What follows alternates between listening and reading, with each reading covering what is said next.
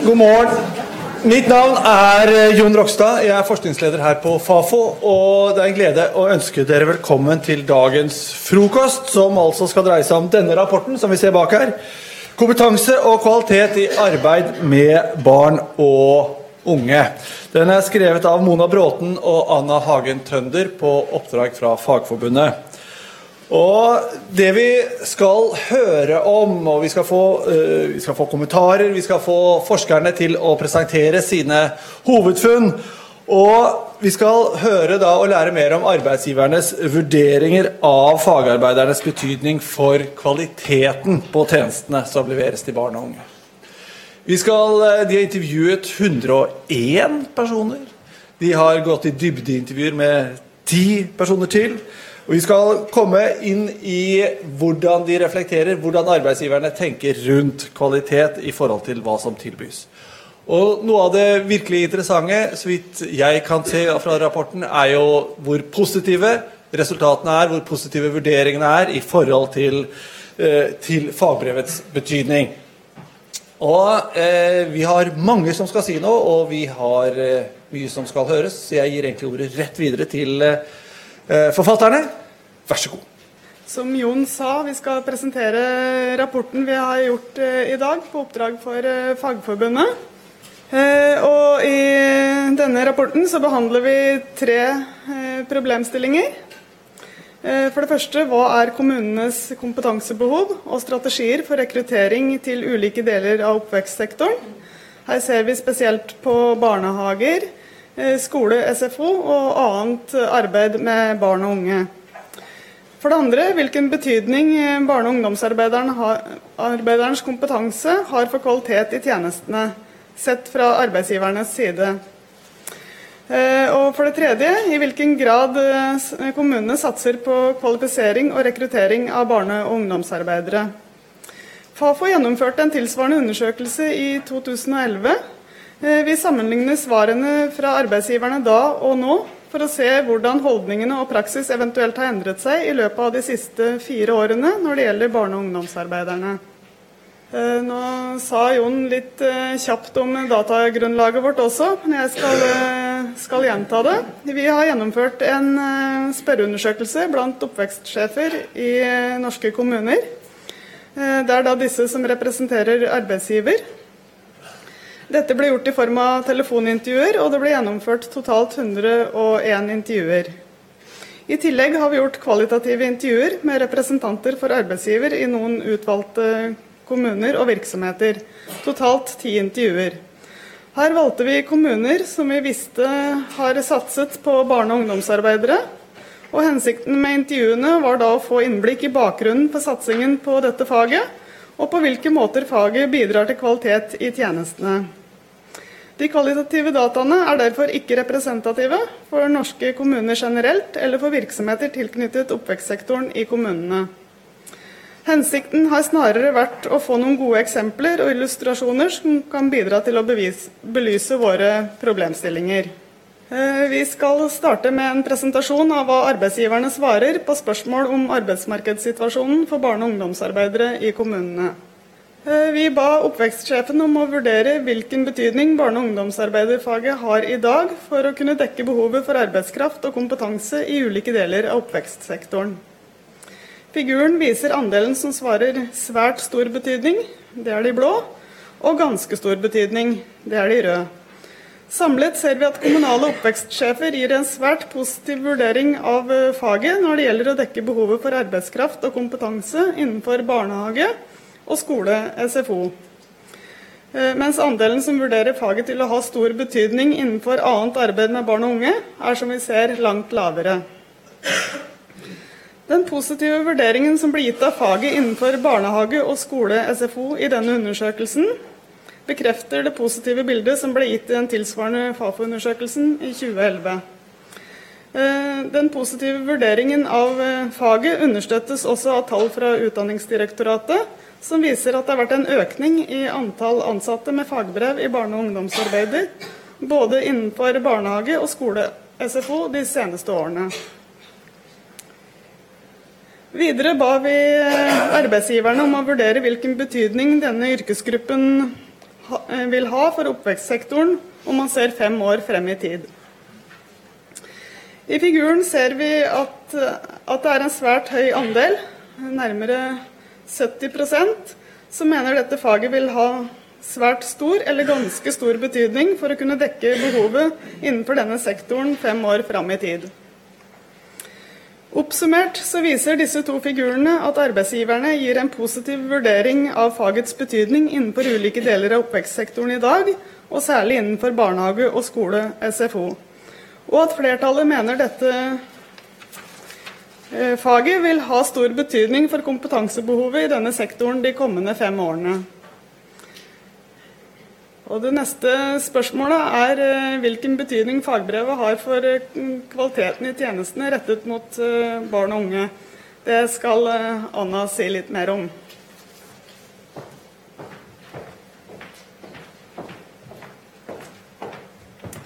Ja.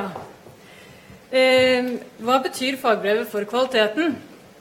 Eh, det er jo lovbestemte krav til kompetanse når det gjelder tilsetting i undervisningsstillinger i skolen og pedagogstillinger i barnehagene.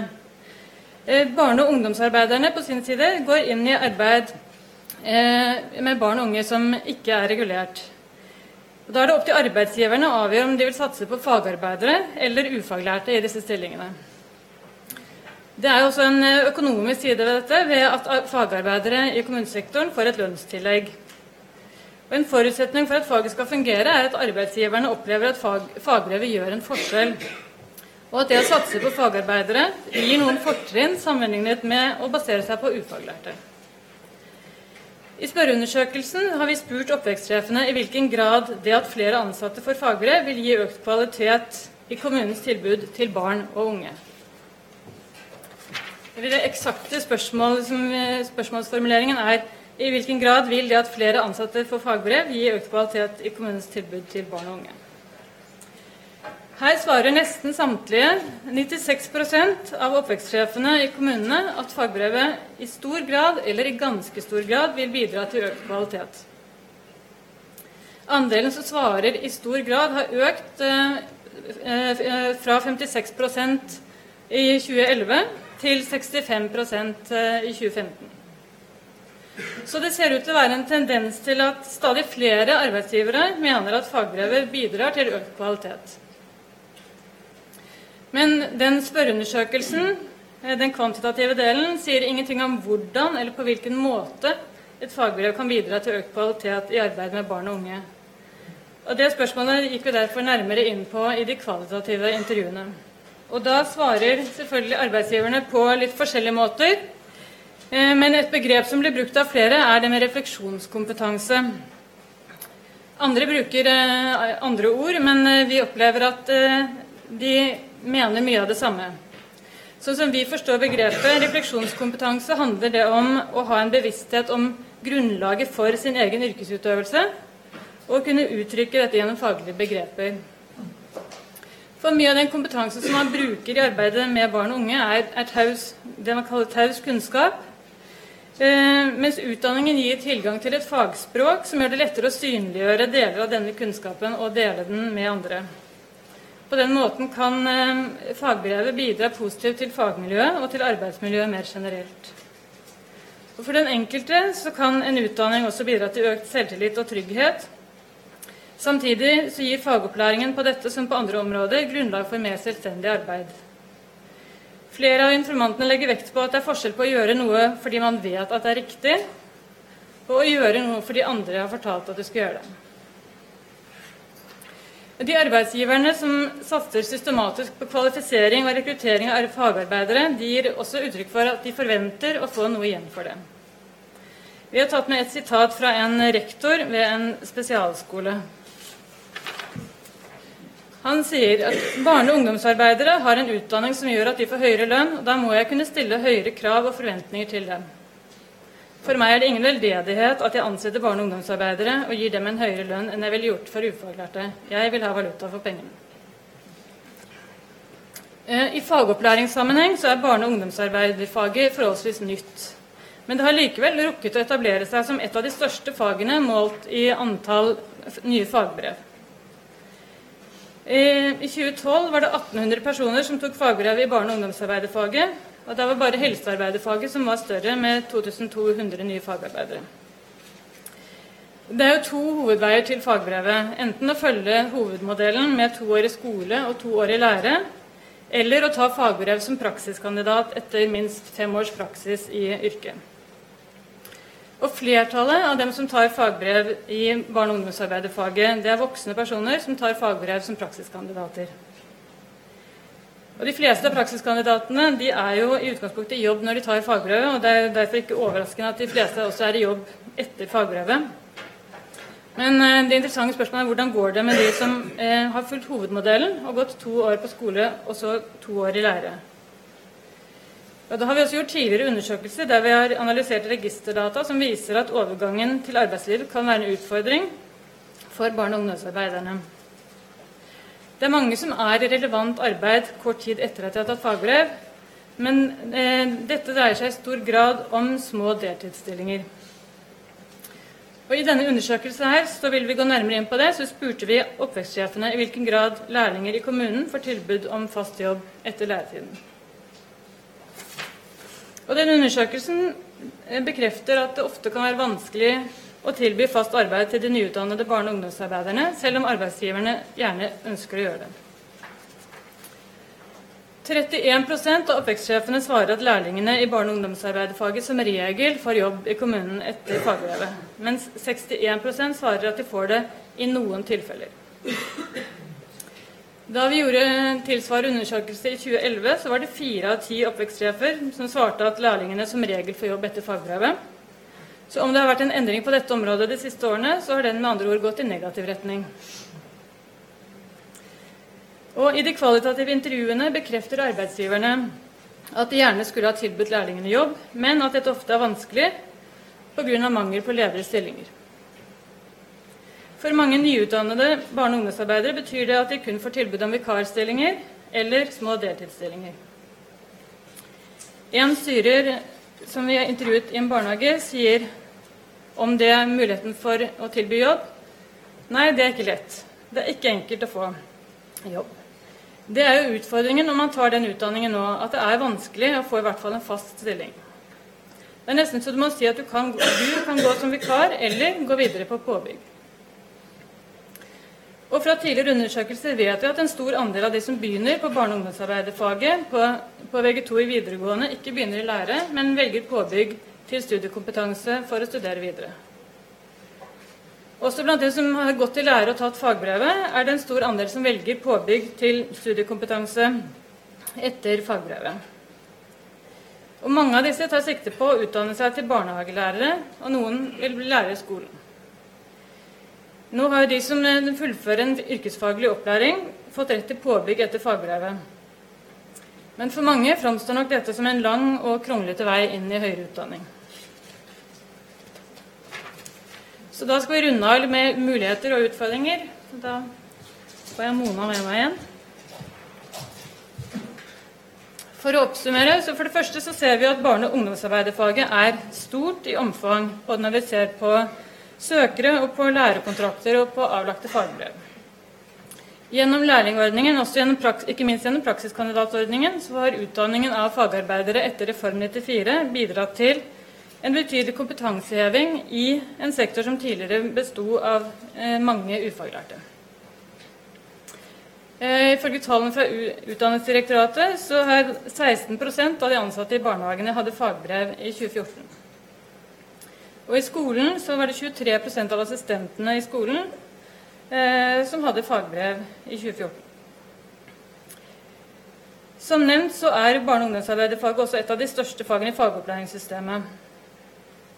Og generelt, om et fag skal fungere, så må det eh, ikke bare anses som eh, relevant eh, for eh, arbeidsgiverne, men også framstå som attraktivt blant ungdom. Hittil har det vært en stor søkning til faget, men samtidig ser vi at det har vært en nedgang i søkningen de siste årene, samtidig som stadig flere går over til påbygg. Et sentralt spørsmål er derfor hva, gjøre, hva som kan gjøres for å styrke faget som en ungdomsutdanning. Det at mange ønsker å studere videre, handler tilsynelatende ikke om at de vil utdanne seg bort fra sektoren. og Her trekker vi også på eh, andre tidligere undersøkelser. Utfordringene er i liten grad knyttet til innholdet i utdanningen eller til innholdet i jobben, men det handler om hvilke muligheter utdanningen gir. En av hovedutfordringene er som jeg har vært inne på, at det er vanskelig å få fast jobb etter endt læretid. Utdanningen og praksisen som lærlingen har fått underveis, er sannsynligvis av stor verdi for dem som skal utdanne seg videre, men det gir ingen uttelling ved søknad til høyere utdanning. De som vil studere, må først skaffe seg generell studiekompetanse. Om overgangen fra fagbrevet til høyere utdanning var mindre kronglete, så ville trolig utdanningen også framstå som mer attraktiv blant ungdom. Og Det er flere måter å oppnå det. Det ene er det som eh, kalles YSK, eller TAF, eller eh, eh, et utdanningsløp som gir både fagbrev og studiekompetanse i løpet av fire år. Og Det er et krevende løp som ikke vil være realistisk for alle elever, men som samtidig som vil kunne tiltrekke seg flere eh, søkere, kanskje flere dyktige søkere. Og så er det andre utbygging av eh, Y-veien, som er mer innarbeidet på andre områder, spesielt for tekniske fag, som er en høyere utdanning som bygger på eh, fagbrevet, og som er tilpasset de som har tatt fagbrev. Eh, og Da er det mindre eh, praksis i studiet og mer teori for å kompensere for eh, den videregående utdanningen de har tatt. Og Her er erfaringen på tekniske fag gode. Så det er vanskelig å se hvorfor det ikke skal kunne fungere også på dette området.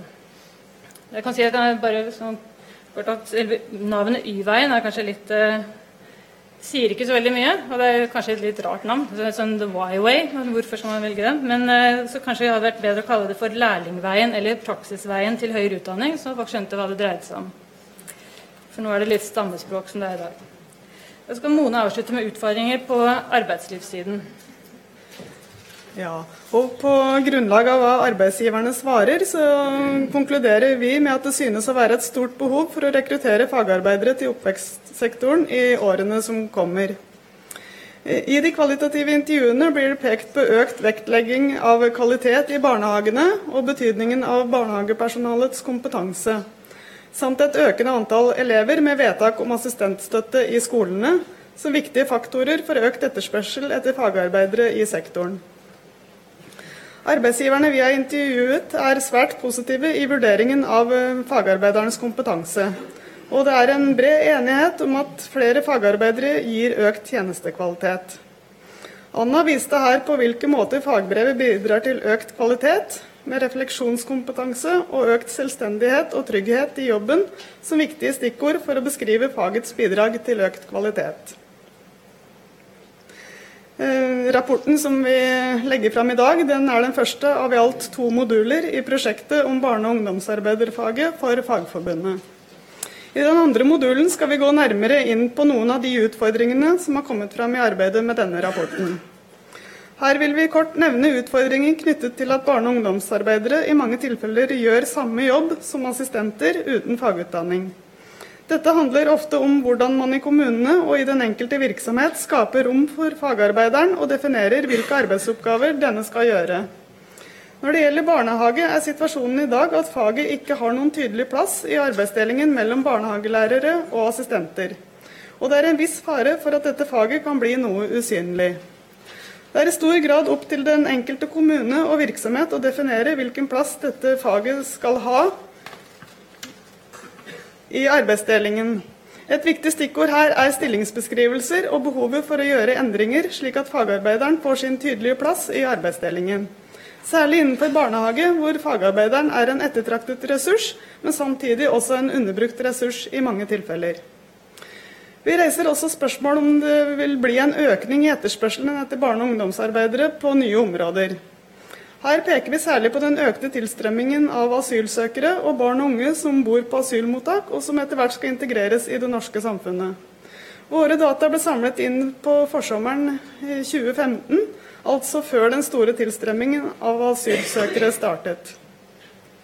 Undersøkelsen fanger derfor i liten grad opp hvilke konsekvenser dette vil ha for oppvekstsektoren i kommunene og for arbeidsgivernes vurderinger av kompetansebehovet. Men barne- og ungdomsarbeideren har en kompetanse som er rettet mot arbeid med barn og unge i ulike institusjoner og på ulike samfunnsarenaer. og vil kunne bli en ettertraktet ressurs ved integrering av barn og unge fra ulike kulturer inn i det norske samfunnet. Takk skal dere ha. Takk for presentasjonen. Eh, da har vi fått kunnskapsgrunnlaget. Og da kommer jo det neste spørsmålet, nemlig hvordan skal dette omsettes til praksis? Eh, hva vil, hvordan vil Fagforbundet bruke rapporten framover? Til å svare på det så skal vi få høre Mette Henriksen Aas, som skal redegjøre litt for hva de tenker i Fagforbundet. Vær så god. Mitt navn er altså Mette Henriksen Aas. Jeg kommer fra den politiske ledelsen i Fagforbundet og er leder av seksjon kirkekultur og oppvekst. Eh, og da sier det seg sjøl at eh, de fleste barne- og ungdomsarbeiderne de, eh, de, er medlemmer i den seksjonen som jeg leder. Det er ikke noe nytt at Fagforbundet har interesserer seg for var jo en sterk pådriver til å opprette nettopp barne- og ungdomsarbeiderfaget. Og For oss så er nå dette en stor og viktig medlemsgruppe.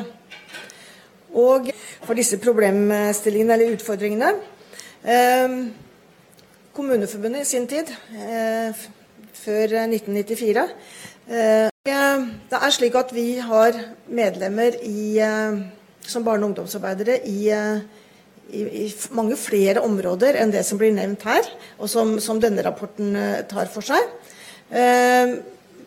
De største er selvfølgelig barnehagen. Eh, barnehagen er det viktigste området hvor barne- og ungdomsarbeiderne arbeider. Skole og SFO er også store. Og da snakker vi faktisk ikke bare om grunnskolen, vi snakker om helt opp til, til og med videregående skole. Vi vet at det er barne- og ungdomsarbeidere som jobber eh, i boliger, i kirka eh, osv. osv. Ungdomsklubber f.eks. Så det er, det, er et, det, er et, det er, et, arbeidsfelt som er veldig i barnevernet stort og, og, og bredt. Fafo hadde et, eh, laget et notat i 2014. Eh, barne- og ungdomsarbeideres stilling i arbeidslivet, som sagt. Eh, og det var en kunnskapsstatus. Og den eh, også på eh, eh, hva skal jeg si for noe, oppfordring fra Fagforbundet for å finne ut hva er det egentlig som sies om barne- og ungdomsarbeiderne i, i samfunnet vårt og i arbeidslivet. Jeg skal være veldig kjapp med konklusjonen, eh, for det var nesten ingenting. Og det var ikke det at vi egentlig lurte på det. Vi visste jo det. Eh, men vi vil gjerne at noen andre sa det i tillegg til oss. Eh, og kanskje også i, stedet for oss. Og så vidt jeg husker, så hadde det ikke vært for, for, for Øyeutvalget, altså barnehagelovutvalget, som jo faktisk hadde snakket en del om barne- og ungdomsarbeideren, så hadde vi nesten ikke funnet noen ting. Det mener vi er helt eh, forferdelig.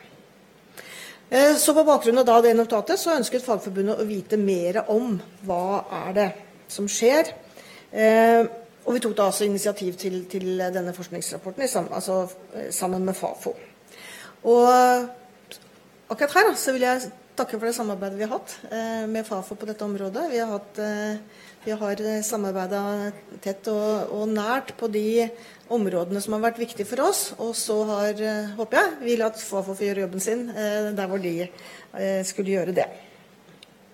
Det vi ønsker i Fagforbundet, det er en aksept for at barne- og ungdomsarbeideren med sin kompetanse som en praktisk pedagogisk medarbeider på alle de arenaene som jeg nå har nevnt at barne- og ungdomsarbeiderne jobber, altså innenfor 0 til 18 år. Eh, med helsefremmende arbeid, kommunikasjon og samhandling og yrkesutøvelse.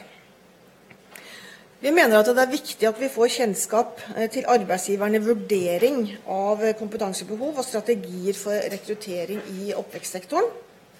Eh, og også hvilken, hvilken betydning som barne- og ungdomsarbeiderens kompetanse har å si for kvalitet i disse eh, tjenestene.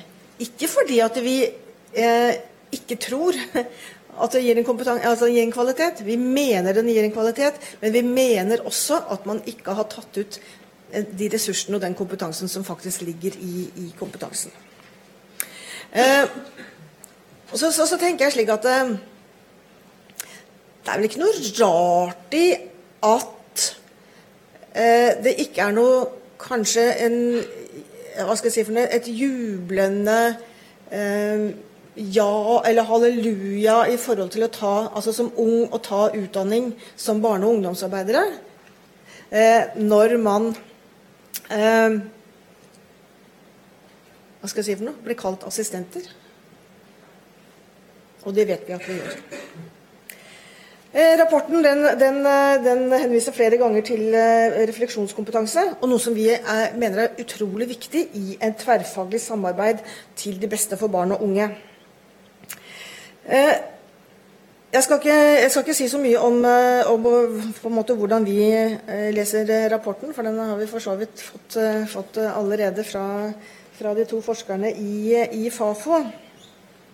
Men det som og, og, og, Dere nevnte også at dette er den første av to moduler. Så du kan si at eh, utgangspunktet og veien videre for oss i Fagforbundet med dette går jo nå via et nytt arbeid. Eh, for én ting er å få en oversikt over hva faktisk eh, arbeidsgivere mener i dag. Det viktigste er jo å få en oversikt og få en felles forståelse hvordan eh, arbeidsgiverne, eierne, eh, bruker kompetansen, og hvordan vi som en arbeidstakerorganisasjon, sammen med de andre partene eh, i barnehagene, i skolene osv., osv., eh, kan jobbe på sikt eh, for at denne ressursen blir brukt på en best mulig måte eh, i barnehage, i skole, i SFO osv. osv. Og dette er målet for Fagforbundet. Eh, på den ene siden. På den andre siden så ønsker jo vi å sette eh, fokus på barne- og ungdomsarbeidernes kompetanse og anerkjennelsen av deres kompetanse eh, på en slik måte at våre medlemmer, og andre som har lyst til å bli medlemmer av Fagforbundet, kan si jeg er en stolt barne- og ungdomsarbeider. Jeg har mye å bidra med inn i mitt arbeid i barnehage, skole osv. osv. Takk for oppmerksomheten.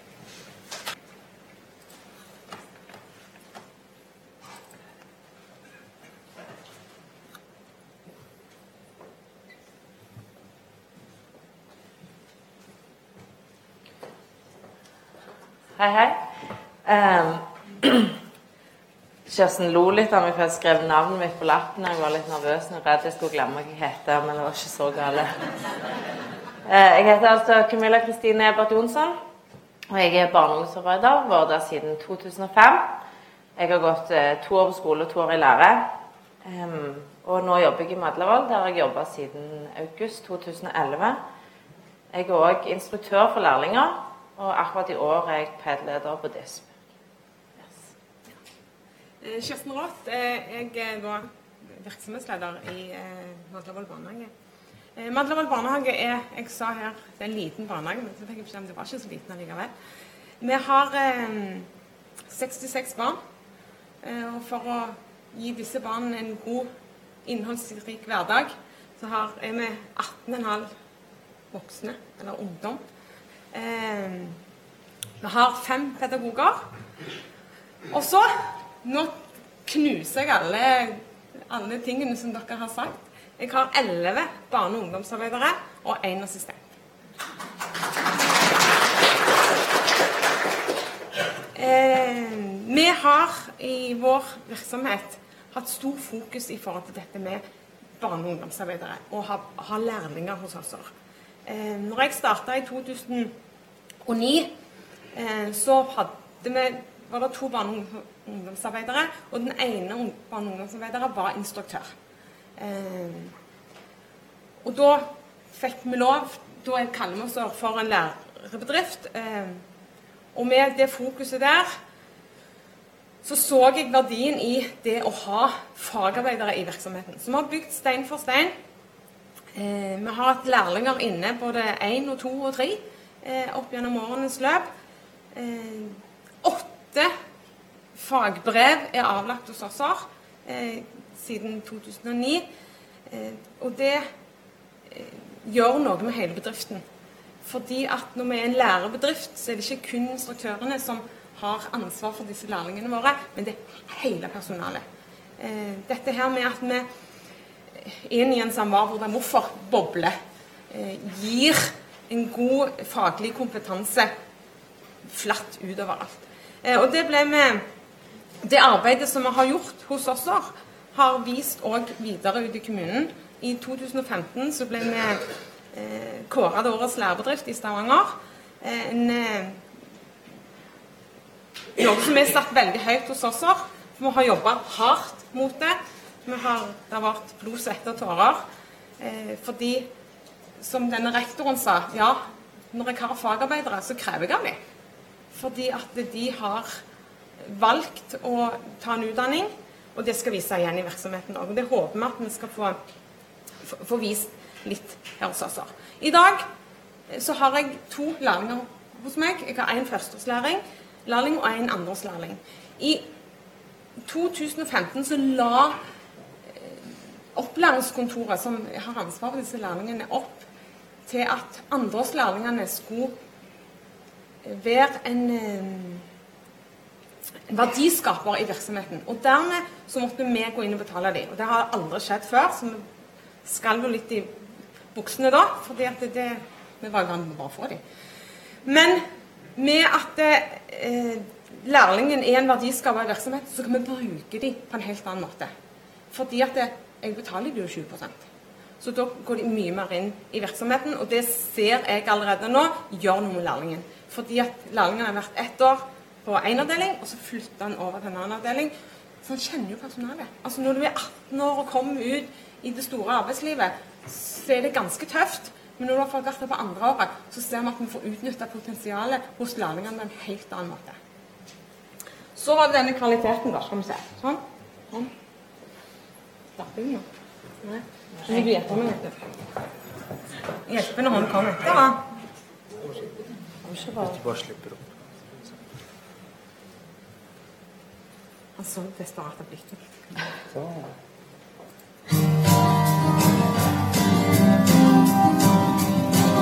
Vi er her når hverdagen Glade dager, grå dager og store dager. Vi ser personligheter vokse fram. Vi utvikler vennskap, og vi skaper forståelse og tillit. Hver dag gjør vi nye oppdagelser. Vi bygger kunnskap, vi lever om verden og om hverandre. For sjøl de lengste reisene begynner med det aller første steget.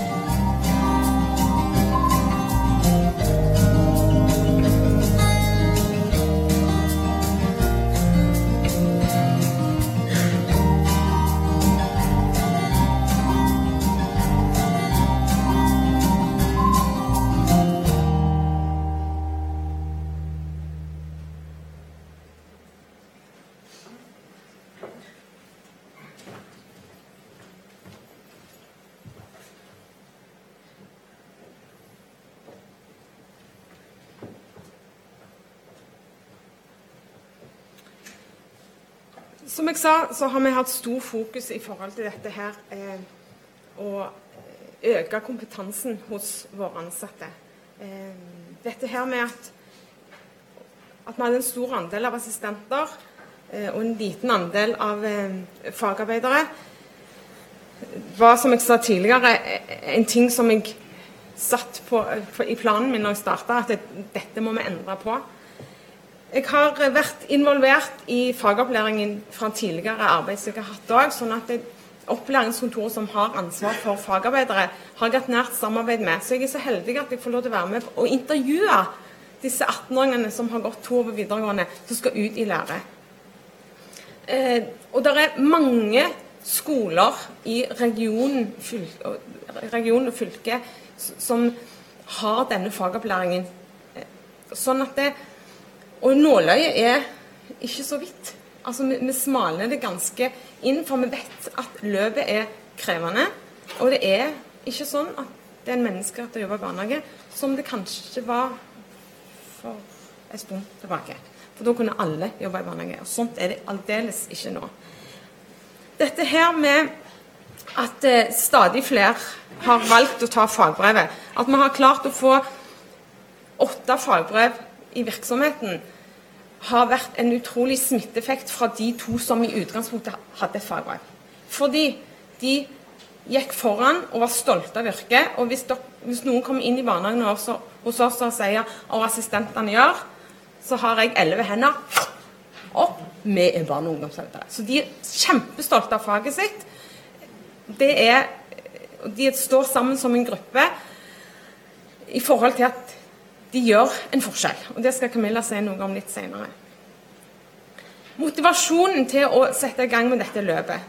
Du sa, Anna, dette her med at du går på skole, kommer rett fra skole, og òg være praksiskandidater. Flertallet av de som var fast ansatt hos meg, så var assistenter som har tatt fagbrevet, har vært praksiskandidater.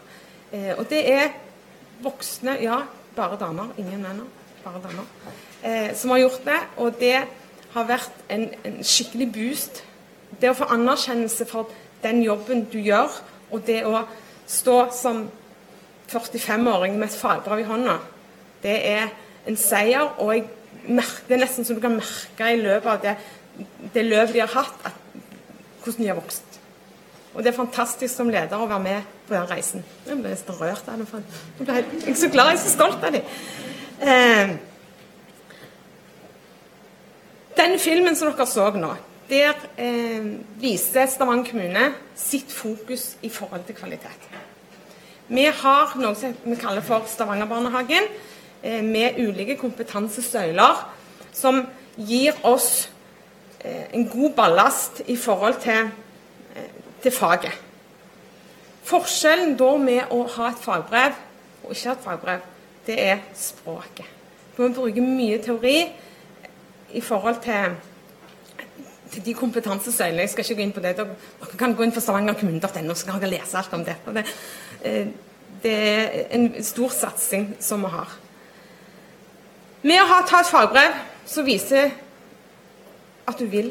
Det er dette du vil. Du utdanner deg fordi at du vil jobbe med barn og unge. Eh, og du er nysgjerrig på Og det er jo sånn som det er.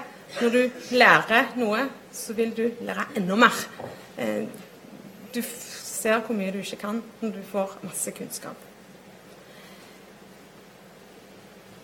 Vil du si noe, Camilla, i forhold til forskjell? Du som er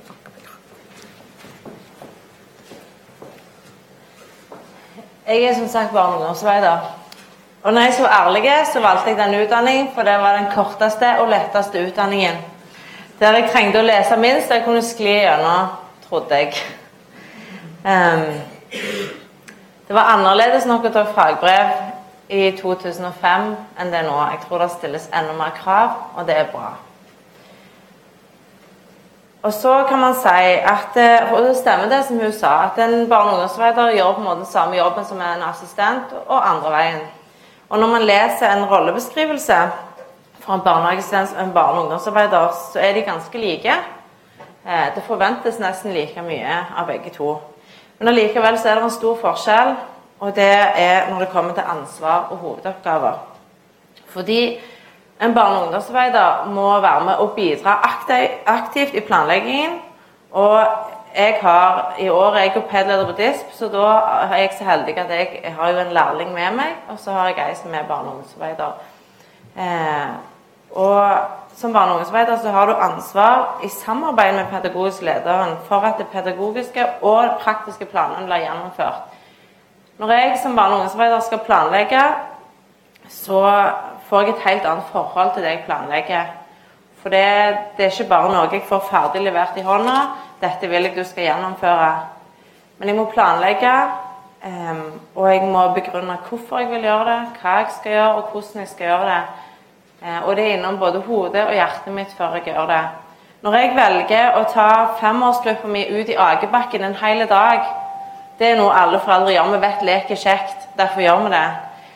Men jeg som barne- og ungdomsarbeider må kunne svare for meg hvis noen sier 'Hvorfor valgte du å gå ut hele onsdagen?' Når egentlig så var det planlagt noe annet.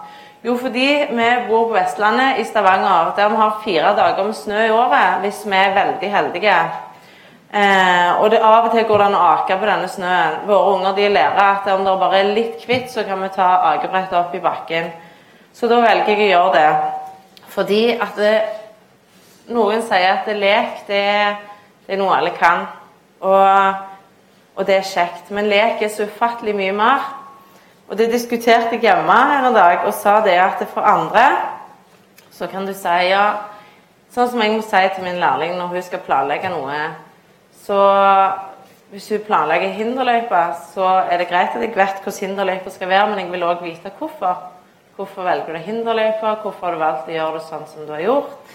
Um, hva er viktig med fysisk fostring, og hvorfor lek? Og hva Noen tror at det å jobbe i barnehage er veldig enkelt. Jeg hører folk som sier 'jeg vet ikke helt hva jeg skal gjøre neste år', så jeg bare tar et år i barnehage. Um, og da blir jeg litt sånn skal du bare være i barnehage fordi du tror det er enkelt. Og det er som Kirsten sier, det er ikke menneskerett å jobbe i barnehage. Jeg er sånn som sier, Når folk sier 'hva jobber du med?' 'Jeg jobber i barnehage', så får man det blikket 'å ja, du er bare i barnehage'. Men jeg er den som mener at jeg har verdens viktigste jobb. På mange forskjellige arenaer. Min jobb er jo faktisk så viktig at hvis jeg går i streik, så er det jo mange som vil være hjemme. For det er jo ingen til å passe barn. Det er så viktig min jobb. Men jeg ser jo noen sitt barn i flere timer enn foreldrene gjør. Og jeg vet at det er viktig at barn får det beste de kan få. Og når et barn leker og kommer hjem og sier i dag, i dag har jeg bare lekt, så er det min jobb å fortelle foreldrene at når ditt barn sier de har bare lekt, så har de altså i dag lært seg å samarbeide, de har lært seg konflikthåndtering, de har lært seg å knytte vennskap, de har lært seg å utvikle empati. De har opplevd en god barndom. De har øvd på nye ord og uttrykk. De har brukt fantasien. De har øvd seg på turtaking. Lek er så mye mer enn bare lek. Og det med å ha så mange fagarbeidere, det gjør noe med kvaliteten i barnehagen. Det kan man ikke legge under et lokk. Jeg merker at når jeg snakker med mine kollegaer, så snakker vi samme språket. Når jeg sier at nå må vi ha fokus på dialogelementene, så står det ikke fem andre og ser på meg som et spørsmålstegn. De er der. Ja, det må vi. Vi må ha felles fokus. Man må lære seg hvordan vi snakker med barn. Man må ha et barnesyn som er så bra at det, sånn som jeg snakker med et barn, selvfølgelig på et annet nivå enn jeg snakker med en voksen, men jeg behandler det barnet med respekt. Jeg viser at jeg ser dem. Og jeg vet at den jobben jeg gjør, er bra. Og jeg har som sagt valgt denne jobben. Ikke fordi at det, det er en enkel plass å være, eller noe sånt. For jeg må hele veien være pålogga. Jeg skal se mange forskjellige barn.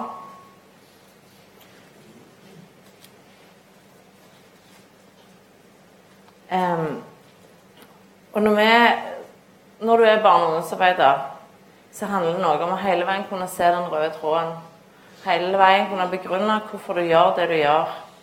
Ja, en barnehagedag er ganske fastlagt. Man kommer om morgenen, og så har man litt innelek, og så spiser man frokost, og så skal vi ha grupper, eller så skal, så skal vi gå ut.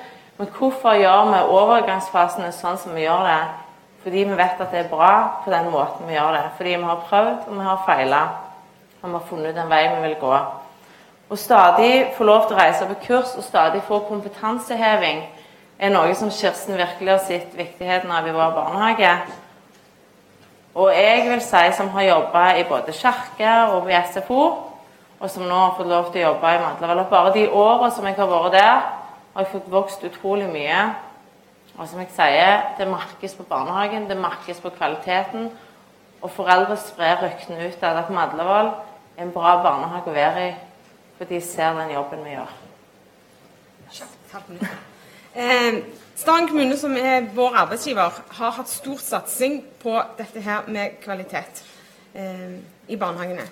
Jeg leste rett før jeg kom nå her, eh, en mail som kom ut. Stavanger kommune har som mål å ha 66% fagarbeidere i barnehagene. Nå er det 37% Ja, vår barnehage er jo Flamda.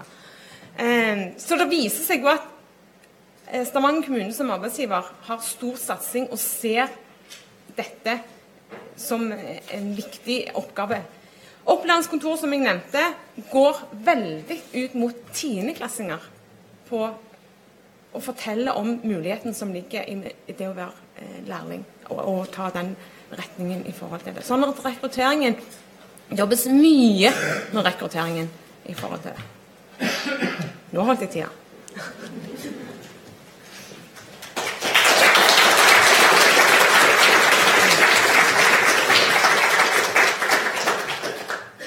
Takk skal dere ha. Det var eh, veldig inspirerende og flott å høre på dere. Eh, det står her at jeg skal stille dere noen spørsmål. Det har vi ikke tid til. Jeg valgte å ikke gjøre det, for det var så fint å høre på dere. Så vi går rett videre.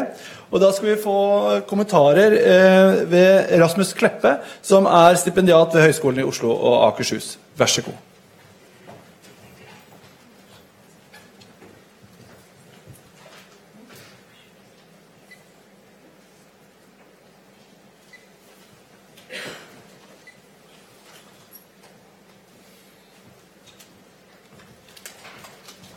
Takk for det.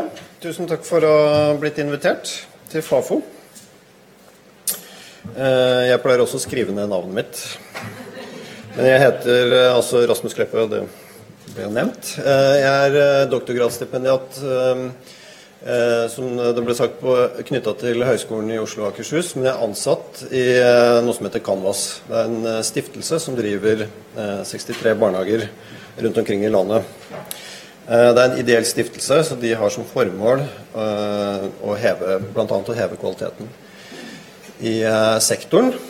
Og en av de store satsingene som de har hatt for å bidra til det formålet i det siste, det har vært å sette seg som mål å ha 50 eh, pedagoger i alle barnehager. Normen er, er jo en tredjedel, eller 30 så, og og det har, de, har vi lykkes med nå i, i løpet av de siste fire, fire årene. Eh, så mitt eh, perspektiv her på en veldig kort kommentar som jeg skal gi, det er eh, ut fra eh, praksis eh, barnehagesektoren. Hører dere meg bak der? Sjekker du lyden? Ja. um, og jeg, når jeg fikk eh, rapporten, så har jeg prøvd å lese den eh, om fagarbeideren eh, Eller om den sier noe om fagarbeideren er attraktiv for barnehagen som, sektoren, som sektor. Og så har jeg bare prøvd å svare på det da, ut fra et forskningsperspektiv, ettersom det er det jeg jobber mest med nå. Jeg har to forsøksvis ganske korte svar på det. I prinsippet så vil jeg si ja. Eh, Jeg er like positiv som alle eh, de styrerne som ble spurt i undersøkelsen. Eh, Jeg er veldig enig i den satsingen som Canvas har gjort, og jeg er enig i den satsingen som Stavanger kommune har gjort. Det blir sånn prosentkamp her. Men altså jeg, jeg mener at alle ansatte i barnehagen egentlig burde ha en, en utdanning i en eller annen form. Ehm, og så vil jeg si at forskningsmessig så er det faktisk eh, internasjonalt, og det lille som er gjort i Norge, så er det ganske vanskelig å dokumentere en effekt, en økt kvalitet, på bakgrunn av, um, av andelen um, bar eller folk med utdannelse i, i barnehagen. Um, men til tross for svakt forskningsmessig belegg, så er det veldig bred enighet om at utdannelse, ja, det hever kvaliteten. Um, og da tror jeg kanskje at barnehage, barne, nei, en fagarbeiderutdanning vil være en del av det. for da er ikke, Løsningen er ikke nødvendigvis at det er 100% barnehagelærere, men at det er folk med forskjellig utdanning som fyller forskjellige roller. Uh, så det andre svaret mitt, som er eh, kanskje litt mer eh, vågalt og er litt pinlig etter å ha sett denne presentasjonen deres, er jo at sånn som realiteten er nå, eh, basert på de to utdanningene, barnehagelærer og, fagarbeider, så er svaret kanskje nei.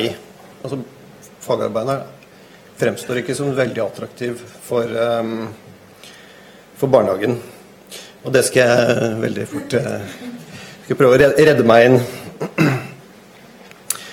Eh, det som spora meg først på å komme fram til det svaret, det var uh, i rapporten når, når um, dere spør i de kvalitative intervjuene hva er det fagarbeideren gjør annerledes.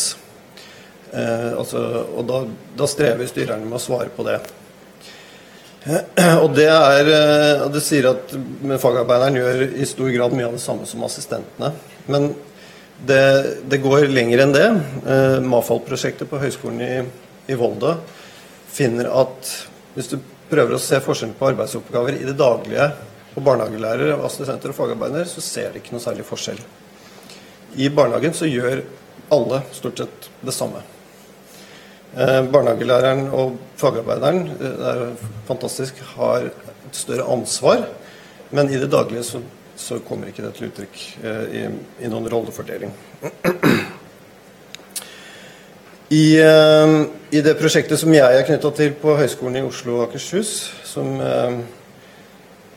som heter Gode barnehager for barn, barn i Norge, GOBAN på kort, det er, det, det begynner å, komme resultater nå. De er publisert foreløpig bare i sånn konferanseform. Så noen av dere kanskje sett noe på publisert i, i media. Eh, der kommer det fram at det som mangler i barnehagen, er spesifikk eh, fagkunnskap. Eh, på samme måte så ser man også det er veldig liten forskjell når man prøver å, å se på hva barnehagelærere og, og, andre yrkesgrupper gjør, også hvordan de eh, gjør det kvalitativt, eh, altså, og, og, hvordan de scorer på forskjellige måter å, å prøve å vurdere kvaliteten på. Um, så dette er en utfordring til utdanningene. Uh, spørsmålet er om vi trenger enda en utydelig generalist. Uh, jeg, jeg bare, det er ganske slemt å si, men uh, jeg har det jo litt fra rapporten. altså Usynlig eller utydelig er, er det som er rolle, rollen til også fagarbeideren.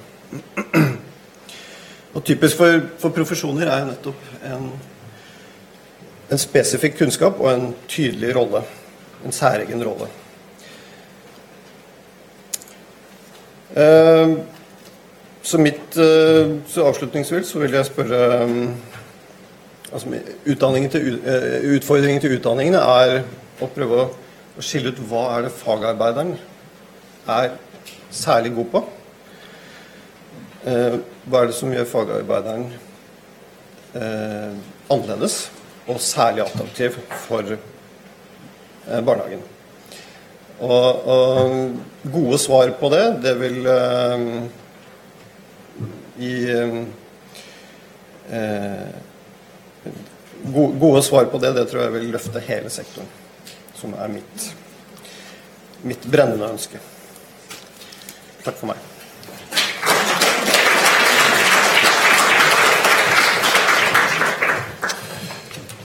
Ja, her var det jo noen spørsmål som vi eh, neppe helt får tid til å besvare. Vi får se hvordan det er med tiden helt til slutt. Vi skal ha to kommentarer til. Den første er fra KS ved Katrine S. Teigen. Vær så god.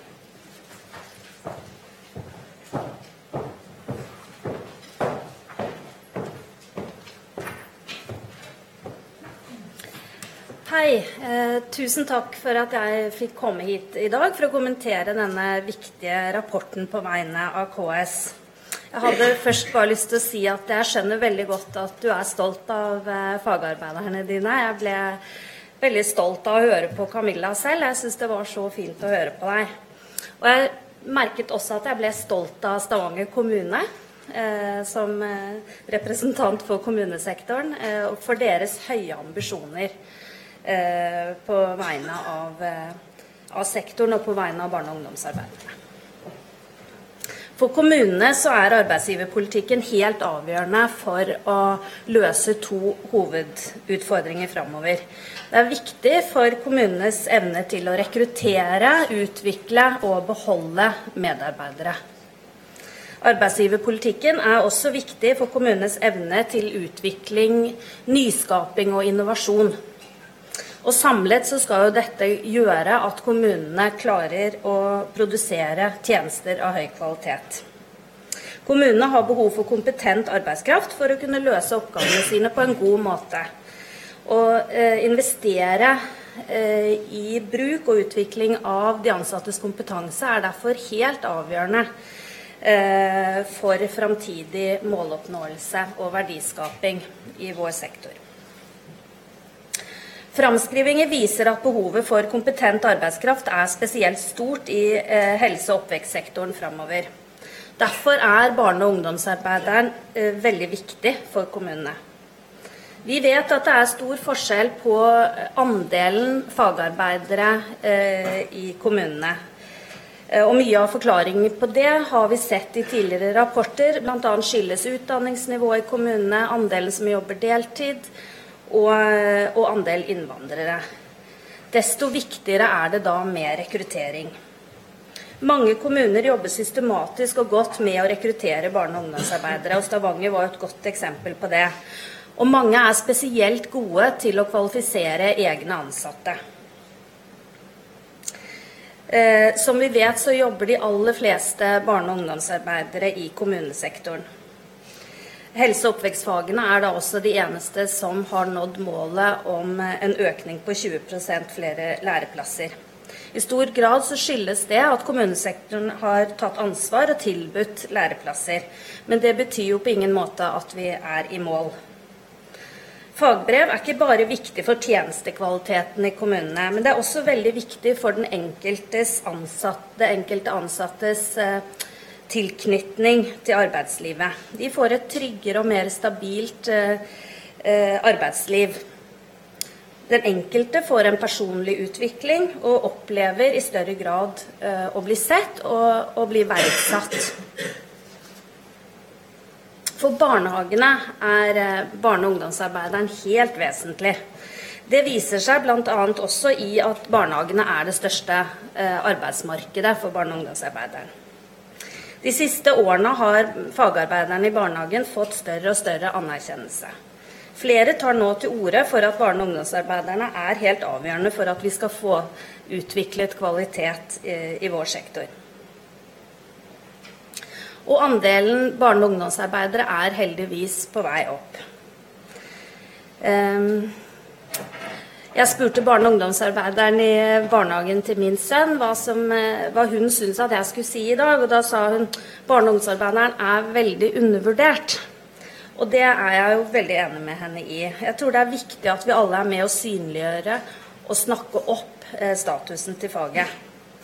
Eh, at, eh, at, Utdanningsdirektoratet nå er med å bidra til å synliggjøre barne- og ungdomsarbeideren gjennom å ta med en kvalitetsindikator på nettportalen barnehagefakta.no, er med og bidrar til dette. Så det er vi glad for. Som representant for arbeidsgiverne er vi nå spent på prosessen i faglig råd, og på hvilken retning faget skal ta i framtiden. Denne rapporten er et veldig viktig utgangspunkt i det, i det arbeidet fremover, og gir interessante innspill. Jeg syns det er verdt å merke seg at kommunene vurderer faget så positivt som de gjør, og at denne tendensen også er økende. Som representant for barnehagesektoren, som jeg jo også må få lov å være i dag, så synes jeg også det er verdt å merke seg at kommunene opplever behovet for barne- og ungdomsarbeidere som størst innenfor barnehage, SFO og skole, og mindre innenfor annet arbeid med barn og unge i kommunene. Dette gir også viktige signaler i det arbeidet Faglig råd skal gjøre, etter min mening. Takk for oppmerksomheten.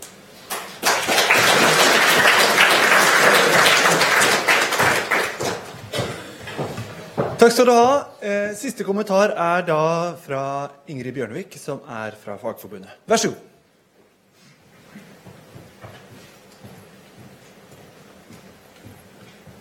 Ja, mitt navn er Ingrid Bjørnevik, jeg kommer fra Fagforbundet. Og jeg representerer i denne sammenheng Faglig råd for helse og oppvekst.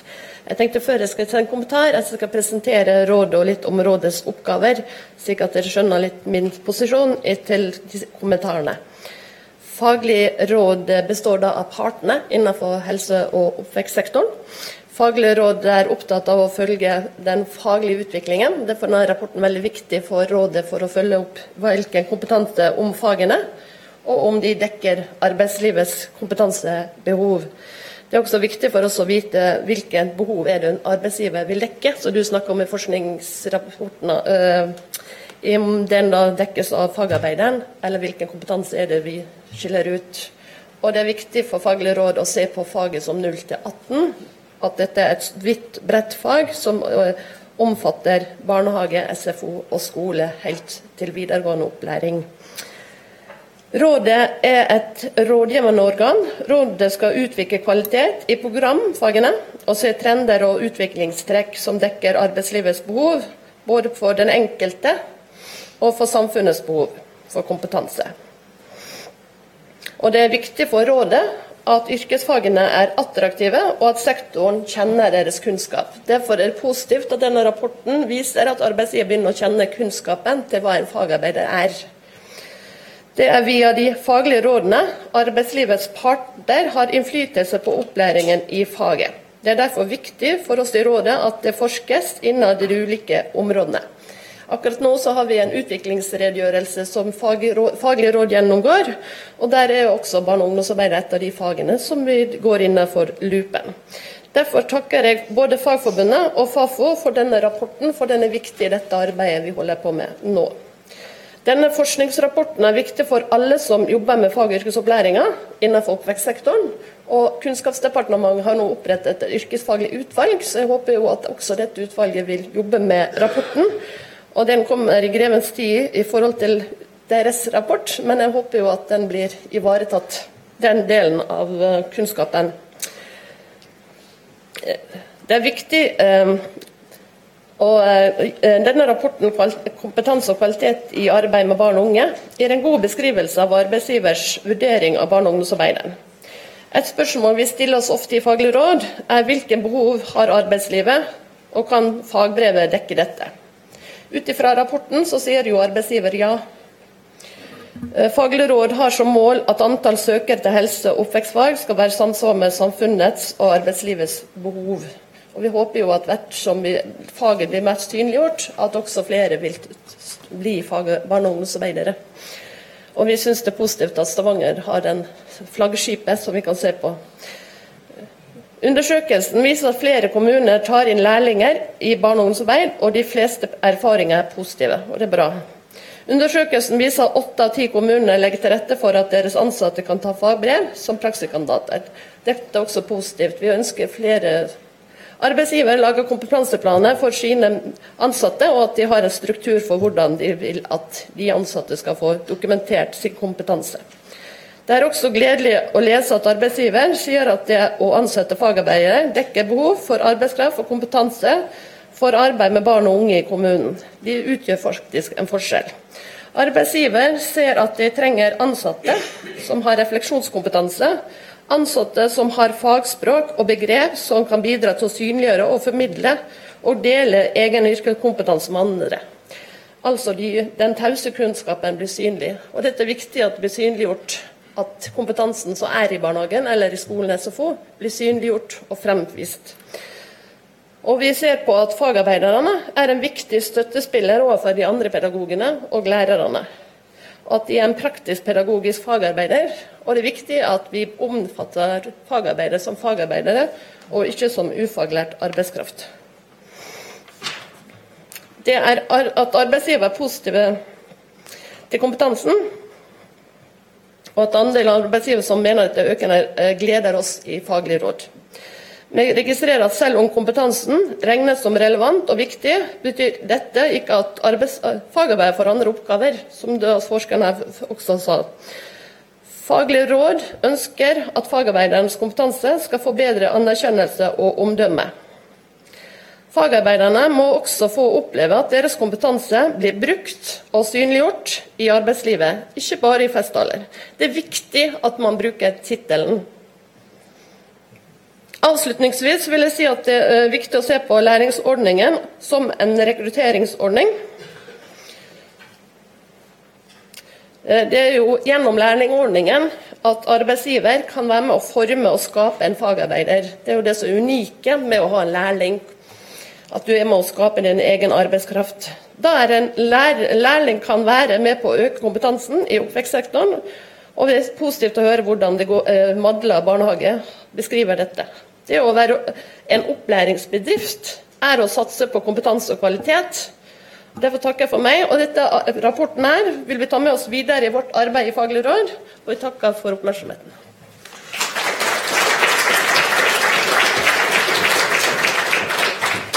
Da har vi et par minutter igjen, så hvis du bare kan bare sitte her. Eh, nå har vi jo kommet, nå har jo Stavanger blitt nevnt så mye at jeg er nødt til å stille deg noen spørsmål. Og eh, Det første spørsmålet jeg har lyst til å, å spørre deg, er jo hvor mye dreier det seg om eh, satsingen som Stavanger kommune har gjort, og hvor mye dreier det seg om deg som ildsjel? Tør du svare på det? Ja, jo. Eh, virker, jo, Ja. han virker det. Jeg bare sitter litt nærmere. sånn. Stavanger kommune har nok har vært veldig de siste årene på. Men eh, så har vi jo en, eh, et opplæringskontor i Stavanger kommune som har vært veldig på. Eh, hun som er leder der, hun snakker om disse lærlingene. Ja, hun er kjempestolt av de. Sånn at det er en kombinasjon eh, i forhold til det. Jeg, og jeg ser jo på mange andre barnehager i, i kommunen, og det viser jo tallene òg, at det, vi ligger jo litt høyere enn de fleste.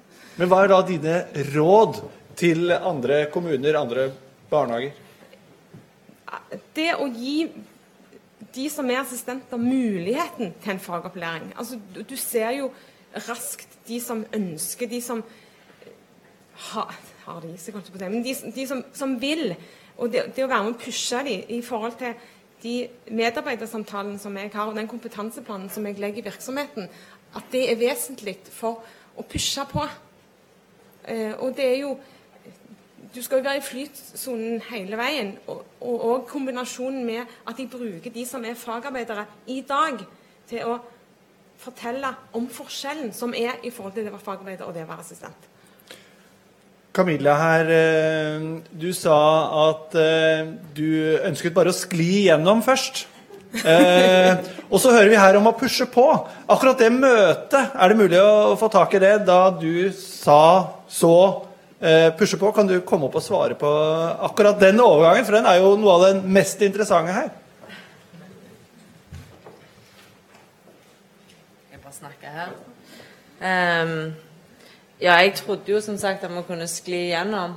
Eh, og det tror jeg mange tror, at man bare kan være i barnehage og skli gjennom. Og det møter jeg jo eh, Jeg som er instruktør og møter lærlinger, og så merker jeg at når de begynner, så tror de at nå skal jeg bare jobbe. Og så får jeg meg en utdanning, og så får jeg litt bedre lønn. Og så når vi begynner å jobbe da, så må jeg jo si at noen begynner å grine på de første men Det er mange som går på Ja. en smell. Som begynner å grine og bare 'Dette er for stort, det er for mye, dette klarer jeg ikke'. Men da man må plukke det fra hverandre og si at eh, denne permen her, du har to år på deg, og, og nå skal vi trene oss her. Sånn at den dagen når du skal ta fagprøven, så, så er det piece of cake. For dette kan du. Når du går opp til fagprøven, det er ikke som du skal ta lappen, du skal bare vise noen at dette kan jeg, sånn at noen kan skrive godkjent. Og så får jeg hele veien være med og ja, og pushe litt på, som hun sier. Og det òg handler om at når, når Kirsten ser noen Nå har du vært assistent her i ti år. Du kan jobben din. Kanskje noen bare får lov til å komme og se at du gjennomfører arbeidet ditt, og noen kan si at vet du hva, du er ikke bare en assistent, du er en barne- og ungdomsarbeider. Sånn man kan med stolthet si at jeg er barne- og ungdomsarbeider, og min jobb er viktig. En, en PED-leder Nå er vi så heldige at PED-lederne er veldig mye på avdelingen, men i mange andre barnehager så er det ikke det. Da er det barne- og ungdomsarbeidere som gjør på en måte det store. Det er vi som møter foreldrene, vi som møter barna, og vi er nødt til å ha det faglige i bånn. Og det å bygge stein for stein, tenker jeg, på å støtte disse 18-åringene som kommer ut. For det er en kjempestor overgang. Og det har troen på dem. Altså, det er jo menneskesyn. Det er jo dette det handler om. Og det, vi i barnehagen kan jo se barn og mennesker. Eh, så det å bygge stein for stein. Ha troen på at folk kan. Og selvfølgelig, noen blir veiledet vekk.